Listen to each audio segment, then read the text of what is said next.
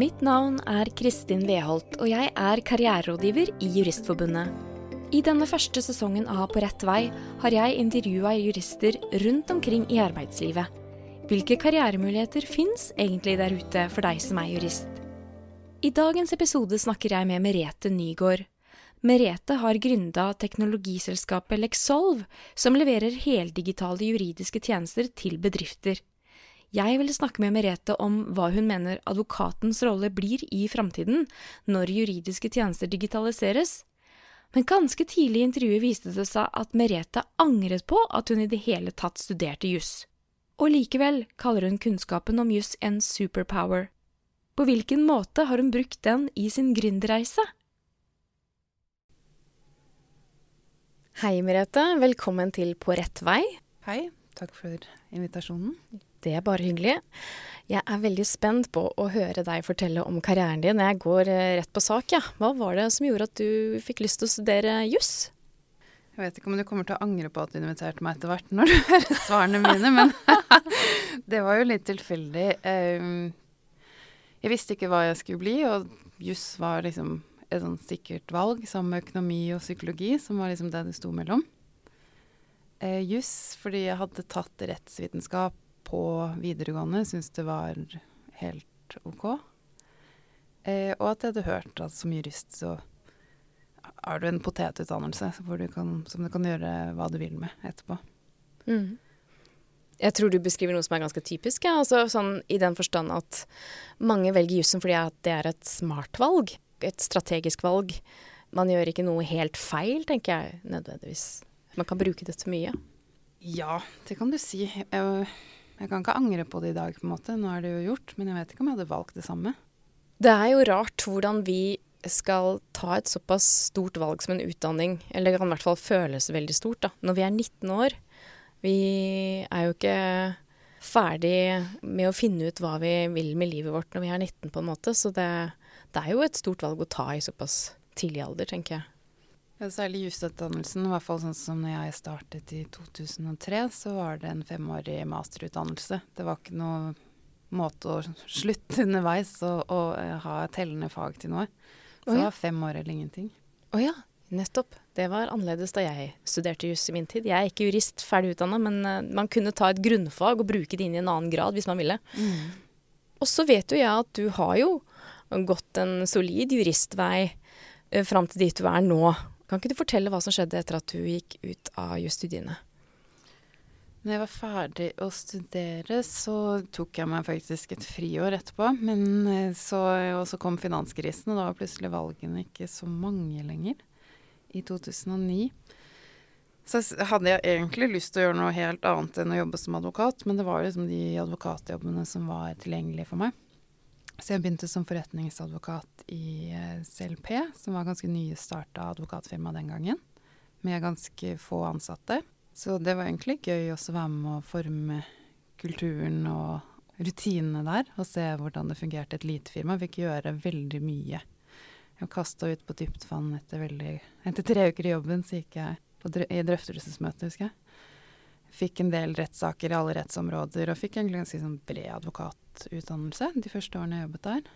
Um, så fortsatte jeg som forretningsadvokat. Jobbet uh, i flere år i Wiersholm før jeg sluttet der og startet for meg selv, og, og startet et teknologiselskap isteden. Ja, ikke sant. Så kan ikke du fortelle om det teknologiselskapet, og hva du gjør der? Ja, nå har jeg holdt på i sånn syv år. Selskapet mitt heter Lexolve. Det er i dag en alt-i-ett-plattform, digital plattform for bedrifter, hvor de selv kan løse veldig mye av det juridiske selv. Alt fra arbeidsavtaler, kommersielle avtaler, selskapsprosesser, styrearbeid, nedbemanninger, opsjonsavtaler eller opsjonsprogram.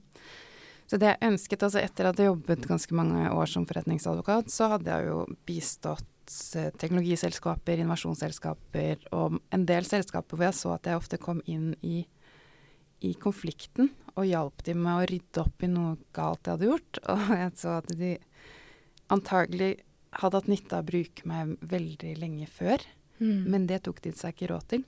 Og så så jeg samtidig at vår egen arbeidshverdag som forretningsadvokater, så gjenbruker vi ikke bra nok kunnskapen fra hverandre. Så hvis jeg fikk et oppdrag som jeg ikke selv hadde løst, så kunne ikke jeg gjenbruke hva jeg selv hadde gjort.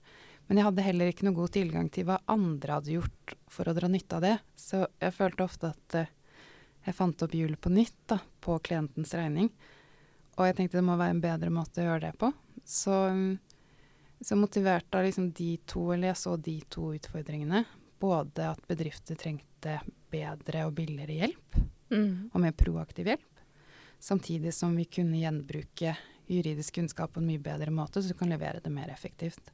Så de to elementene er på en måte grunnstenene i, i Lexol, Mm. Hvor jeg automatisert, eller teamet mitt har automatisert veldig mye juridisk eh, ekspertise, sånn at bedriftene kan løse og få den tilgangen selv til, til en pris som, som, er overkommelig for dem. Mm. Teamet ditt, altså hvor mange er dere ansatte nå? Nå er vi litt over ti, ti ansatte. Så dere har vokst såpass mye siden 2017, da du startet Leksolv. Det er jo godt gjort, det vil jeg si. Ja, det er litt sånn nøye. Altså, det er jo ikke noe problem å ansette folk egentlig når du har hentet kapital. Det, det er jo å få, få, hele organisasjonen og teamet og produktet og alt til å klaffe. Så det antall ansatte er jo aldri et sånn godt mål i seg selv. Men, eh, men de ansatte jeg har nå, er, jo, er, er jeg veldig stolt av.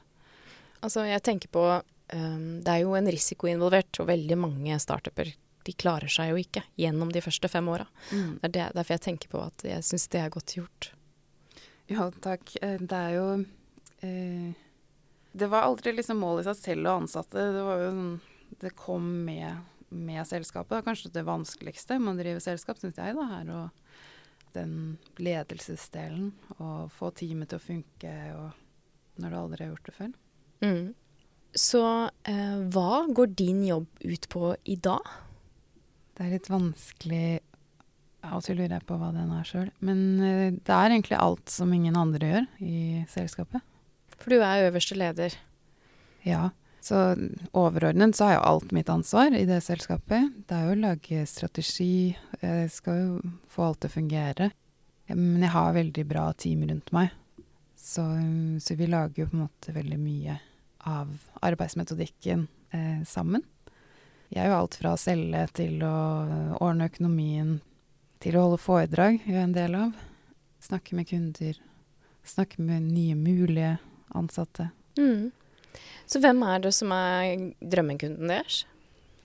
Alle selskaper som har, ønsker å vokse og ønsker å bli større, som har eh, aktivitet. Så typisk selskap med mer enn fem ansatte vil, vil, ha en del juridiske behov, da, som de får løst hos oss. Men også helt opp til store selskaper. De trenger jo alt. Det kan være personalledere, det kan være salgsledere, det kan være daglig leder som gjerne håndterer styret. Det kan være gründere som håndterer eiere, aksjonærer. Så jeg vil jo si at det høres ut som et veldig kult konsept du har uh, kommet med. Uh, jeg la jo merke til at du var Norges første digitale utfordrer på advokatsiden. Ja, i hvert fall på bedriftsmarkedet. Eller heldigitale, sier jeg vel. Men uh, ja, det har ikke vært så mye av det. Det har vært litt, sånn, litt teknologi som er lagd før vi kom på banen, men vi er vel den første som, som har det brede tilbudet. Så hva var det ved det å, å bli gründer som tiltrakk deg? Jeg veit ikke om det var det, sånn jeg tenkte på det, men det som tiltrakk Eller det som jeg ville, var å gjøre noe annet enn å være advokat. Jeg syns business er gøyere. Jeg syns det er gøyere å, å, lage strategier og gjennomføre forretningsideer. Og jeg, jeg har aldri egentlig syntes juss Det er kanskje å banne i en podkast, men jeg har aldri syntes jussen i seg selv er noe spesielt gøy. Å løse utfordringer, det er på en måte den delen som trigger meg, da. Mm. Samtidig hadde jeg jo den bransjekunnskapen. Jeg hadde jobbet i advokatverdenen i, i, nesten ti år før jeg startet for meg selv. Og jeg kunne jo mye juss. Og jeg kunne også veldig mye av hva, hva problemene til bedriftene var. Så å kunne bruke min erfaring samtidig som jeg lærte noe helt nytt, det syns jeg har vært og er fortsatt veldig gøy. Men det husker jeg at jeg fikk høre, for jeg jobba også som advokatsekretær under studiene da jeg studerte juss. Og det var flere advokater som sa at det å studere jussen i seg selv, det var ikke så spennende. Det var mye gøyere å jobbe med det og løse problemer. Så jeg tror ikke du er alene om å tenke, eller oppleve jussen på den måten, da. Mm. Og det tenker jeg også er noe av det fine med jussen, at den er veldig anvendelig. At du kan bruke den inn til å løse utfordringer fordi vi har mye støtte i regelverket. Så hva ser du for deg at uh, advokatens rolle blir når juridiske tjenester uh, digitaliseres? Jeg tror den blir mye av den samme som den er nå. Altså sånn som jeg ser på uh, hva er en god advokat, da. Så er det å gi det beste rådet. Det er å skjønne hva kunden trenger, og gi en anbefaling, og også hjelpe dem med å gjennomføre den anbefalingen. Og så kan du bruke det digitale til å, å fjerne en del av det manuelle arbeidet, altså det tidkrevende arbeidet. Men den tankevirksomheten og den, både den empatien du må ha, samtidig som du anvender ja, an, dine analytiske evner på problemet, og den kunnskapen du har. Og så kan du bruke teknologi til å støtte og finne frem til mer kunnskap raskere, da. Så hva den blir til slutt, jeg tror ikke noe på en sånn veldig sånn revolusjonerende endring. I hvert fall ikke fra den ene dagen til den andre. Men jeg tror det gjelder å henge med i svingene på hva som er mulig å gjøre, da. Og hvis man insisterer på en veldig gammeldags måte å gjøre ting på, så kommer du bare til å ha gammeldagse kunder. Og det er kanskje greit for en del, men hele, den, hele befolkningen i Norge er blitt ganske høyt kompetente digitale brukere. Så jeg tror man fort mister kundene sine hvis man ikke gjør det. Mm -hmm. Så jobber du med juss i det hele tatt i dag, altså sånn direkte? Jeg gjør egentlig det ganske mye. For jeg er jo daglig leder og ansvaret for å ansette, forholde meg til arbeidsrettslige regler. Jeg skriver kontrakter. Selv om veldig mye støtte selvfølgelig av produkter vi har lagd, så jeg slipper å undersøke så mye. Alle som jobber i bedrifter, jobber med juss egentlig hele tiden. Og det er jo litt det, det, tror ikke jeg de, de, fleste tenker over, da. Men det er jo det produktet vårt støtter opp under også, at det er veldig mye hverdagsjuss. Og ting du må gjøre riktig da, i, i vanlige forretningsbeslutninger. Så du bruker forretningsjuss? Ja, alt jeg må gjøre styrearbeid. Lage protokoller. Rett før jeg kom hit i stad, så satt jeg og lagde protokoll fra forrige styremøte. Sette opp aksjonæravtale. Gjøre kapitalforhøyelser. Inngå kundeavtaler, oppdragsavtaler, arbeidsavtaler. Alt det er juss. Ja, så det faget du ikke syns det var veldig spennende å studere, er allikevel en del av hverdagen din i dag? Det er det jo for alle. Jeg vet ikke om jeg vil si det er ironisk eller ikke. Jeg, når du kan jussen, da, det er ganske stor makt. Jeg ser på det som en metode til at du kan løse og finne ut av hva som helst. Så uansett hvilket problem du kommer overfor, så kan du finne ut hvordan du løser det, og hvordan du effektuerer det, da. Mm. Og det syns jeg er en liten sånn superpower du har når du har størt juss, da. Ja, kult perspektiv. Er det noen faglige kompetanser utenfor jussen du bruker særlig mye? Altså Nå har jeg hørt styrearbeid. Jeg vet at du, styre, du er styremedlem i Abelia. Ingenting av det studerte jeg eller jobbet med. Så det har jeg bare lært meg når jeg trengte det. Ja, Så hvilke andre fagkompetanser innenfor, la oss si, som gründer, da? Jeg vil si at det er den juridiske metoden, da. Det handler om å analysere problemet, og det handler om riktig kildebruk. Du skal altså kunne absorbere ganske store mengder informasjon, og så finne den riktige svaret i den, og mm. analysere det eller tolke deg frem til det. Da. Det er jo egenskaper som er helt allment. Høyt analytiske egenskaper, da. Det er ikke alle som har det, eller veldig mange som ikke har det, egentlig. Men den egenskapen kan du anvende på veldig mye. På egentlig hvilket som helst problem. Det trenger ikke å være et juridisk problem. Svaret er jo naturlig nok ikke en juridisk kilde. Men det å finne ut av hva er problemet egentlig Så er mange jurister og, og, advokater veldig gode til å se ulike sider av en ting, og prøve også ikke akseptere eh, sannheten med første øyekast, da. Ikke akseptere hva som er det enkleste svaret, men kanskje tenke på hva burde egentlig vært svaret, og så prøve å se om du finner en annen vei dit. Det hjelper i hvert fall på perspektivet for å se om du har belyst problemstillingen fra alle sider, da. Kanskje du finner på noe nytt, eller finner ut av noe nytt. Mm. Jeg hører mye kreativitet her, jeg. Ja. Jeg tenker at all problemløsning krever kreativitet.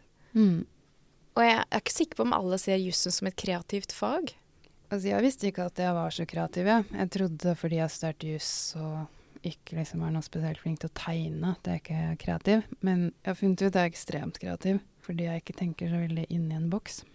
Eh, men det tok meg tid å finne ut av. Ja. Og jeg tenker når jeg sier at man skal jeg syns jurister som er kreative, er de flinkeste juristene, og da mener jeg ikke at du skal finne på noe Altså kreativ just er på en måte et uttrykk som det kanskje ikke Det er det du skal prøve på, være for kreativ uh, i å mm. finne opp løsninger. Men jeg tror det er å ha nye innfallsvinkler til problemer. Og når du automatiserer noe, da, så kan du enten løse det med å bare etterape hva en advokat ville gjort, eller du kan se på ok, hvilket problem er det vi løser. Hva er det vi egentlig forsøker å tilfredsstille når vi gjør det på denne måten. Og da kan det hende at du kommer opp med en løsning som er noe helt annet for å komme frem til på en måte samme Eller en metodikk da, til å komme frem til samme løsning. Mm. Det er så interessant. Eh, de forestillingene vi har om hva det vil si å være kreativ. Jeg spør mye det spørsmålet i forbindelse med karriererådgivning og coaching.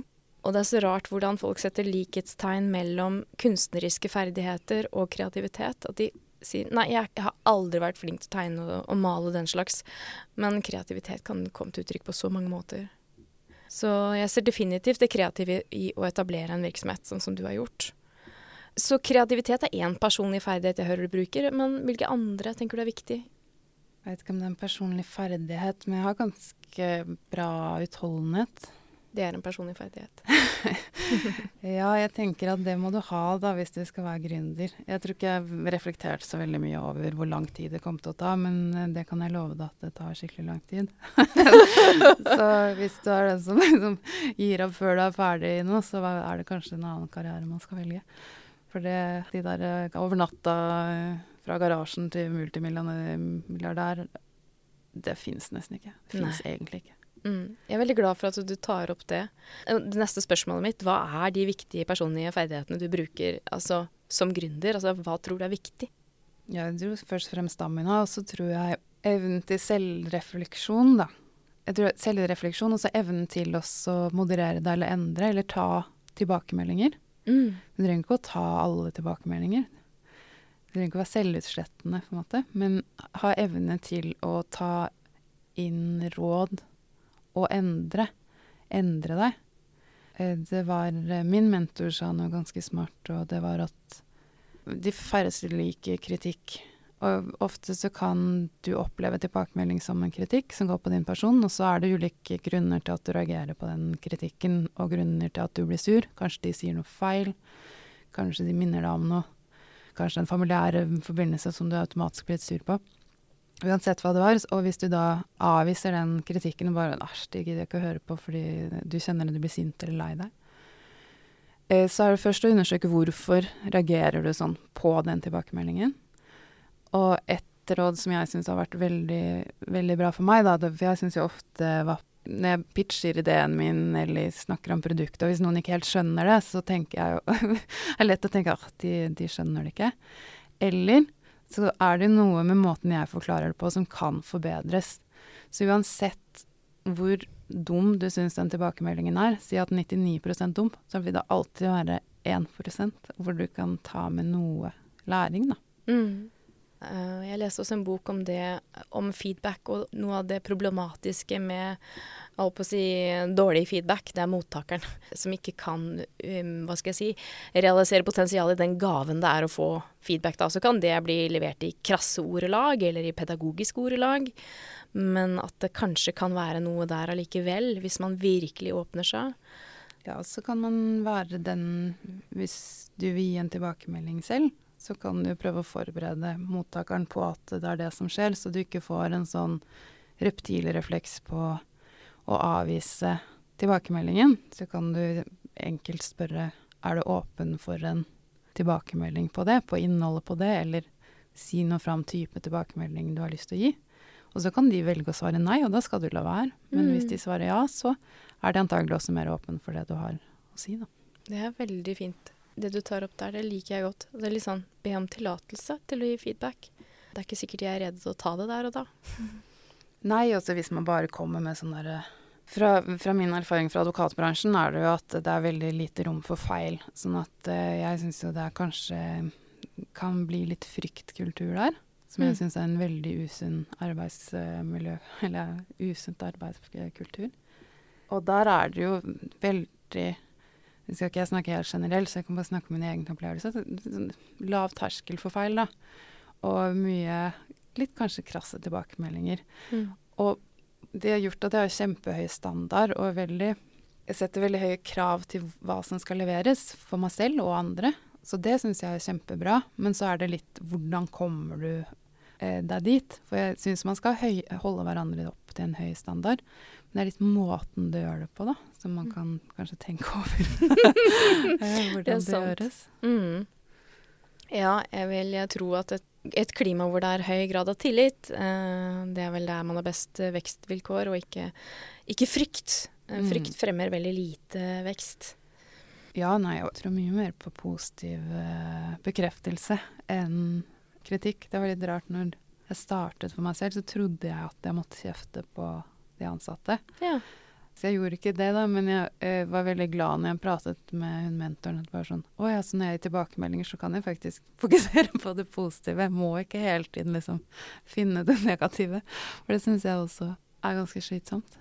Altså, jeg tenker det er mye kraft i å styrke det som allerede fungerer bra, jeg. Mm. Eh, framfor å liksom skal ha folk til å kompensere eller rep reparere eller lappe på det som ikke er optimalt.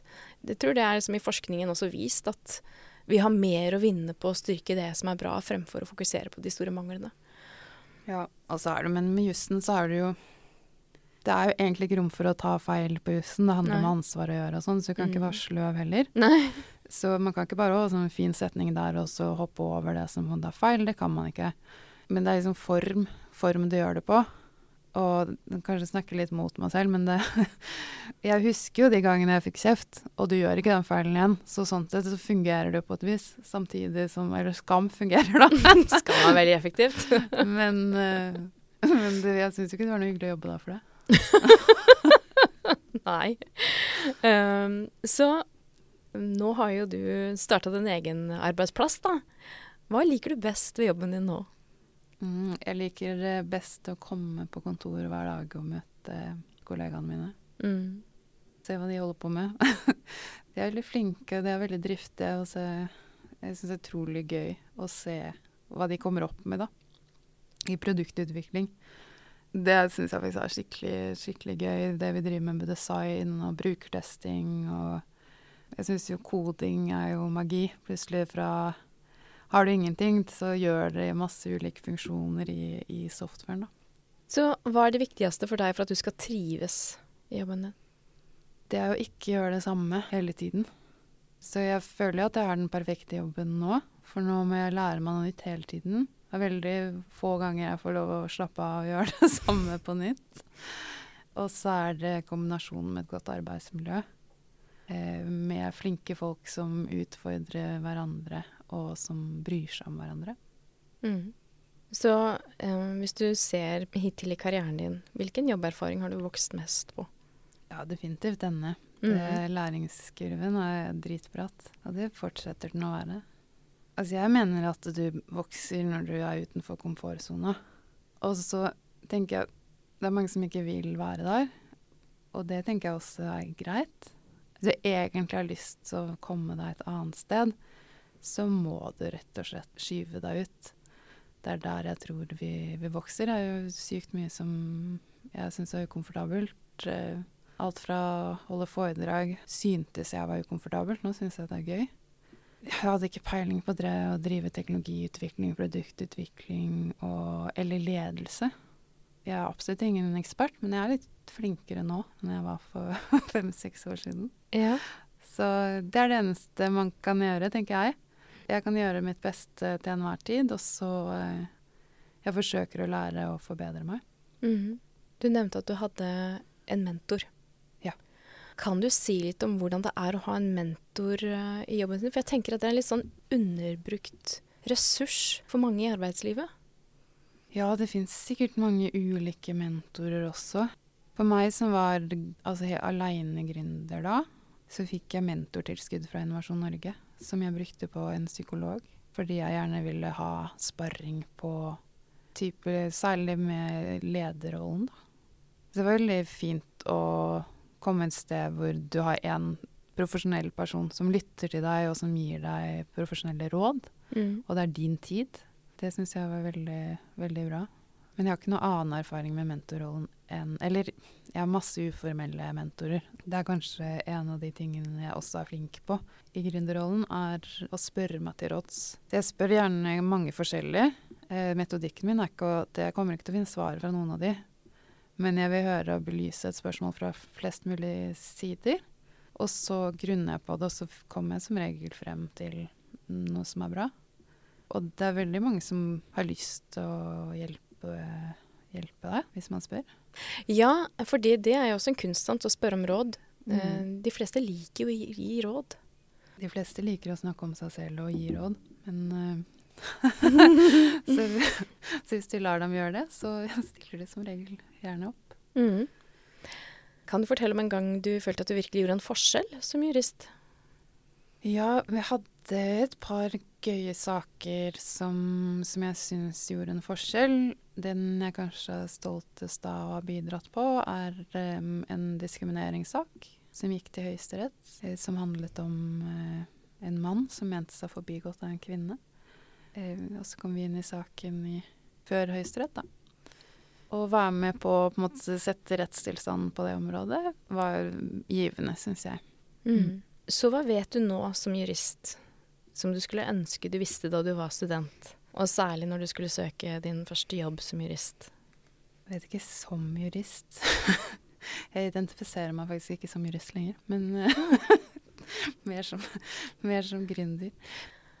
Det jeg etter hvert lærte meg, er at uh, du kan gjerne bli imponert av andres kunnskap og hva de kan, men det er ganske viktig å huske på at uh, de kan det du ikke kan, er fordi du ikke har lært det ennå. Så utrolig mye som er oppnåelig av kunnskap. Og da er det egentlig bare én ting å gjøre for å komme seg dit. Er å forsøke å, å finne den kunnskapen. Og ikke bli demotivert, eller, eh, men bare se hva, hva som er mulig. Mm. Hvilke spørsmål skulle du ønske jeg hadde stilt, da? Kanskje um, Hva skulle du studert isteden? Jeg får høre.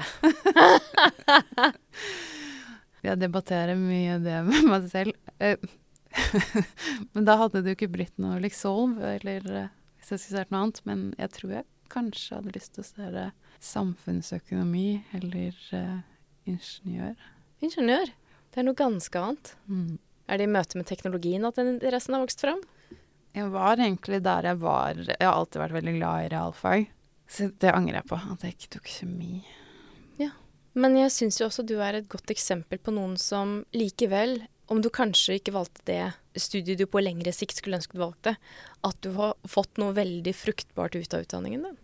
Ja, og jeg syns jo ikke Jeg syns jo jusutdannelsen er fortsatt en veldig generell utdannelse. Du lærer deg å resonnere, du lærer analyse. Og det kan du bruke nesten på hva som helst. Det tror jeg er et eksempel da på at du kan også jobbe ganske langt inn i en fagretning og fortsatt gjøre noe helt annet eh, etterpå. Til syvende og sist har det ikke så mye med hva utdannelsen din er, men hvilket eh, mindset du har for hvordan du skal vokse og utvikle deg. Mm, fint perspektiv. Det håper jeg våre lyttere tar med seg. Merete, tusen takk for at du ville være med på Rett vei. Det har vært veldig hyggelig å ha deg her. Hyggelig å være her. Tusen takk for at du har hørt på På rett vei. Hvis du liker denne podkasten, del den gjerne med en venn. Og har du som jurist spørsmål om karriere? Sjekk ut karrieretjenestene våre på juristforbundet.no.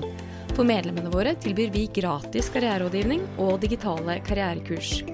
Du kan også følge Juristforbundet på sosiale medier som LinkedIn, Instagram og Facebook. Vi høres!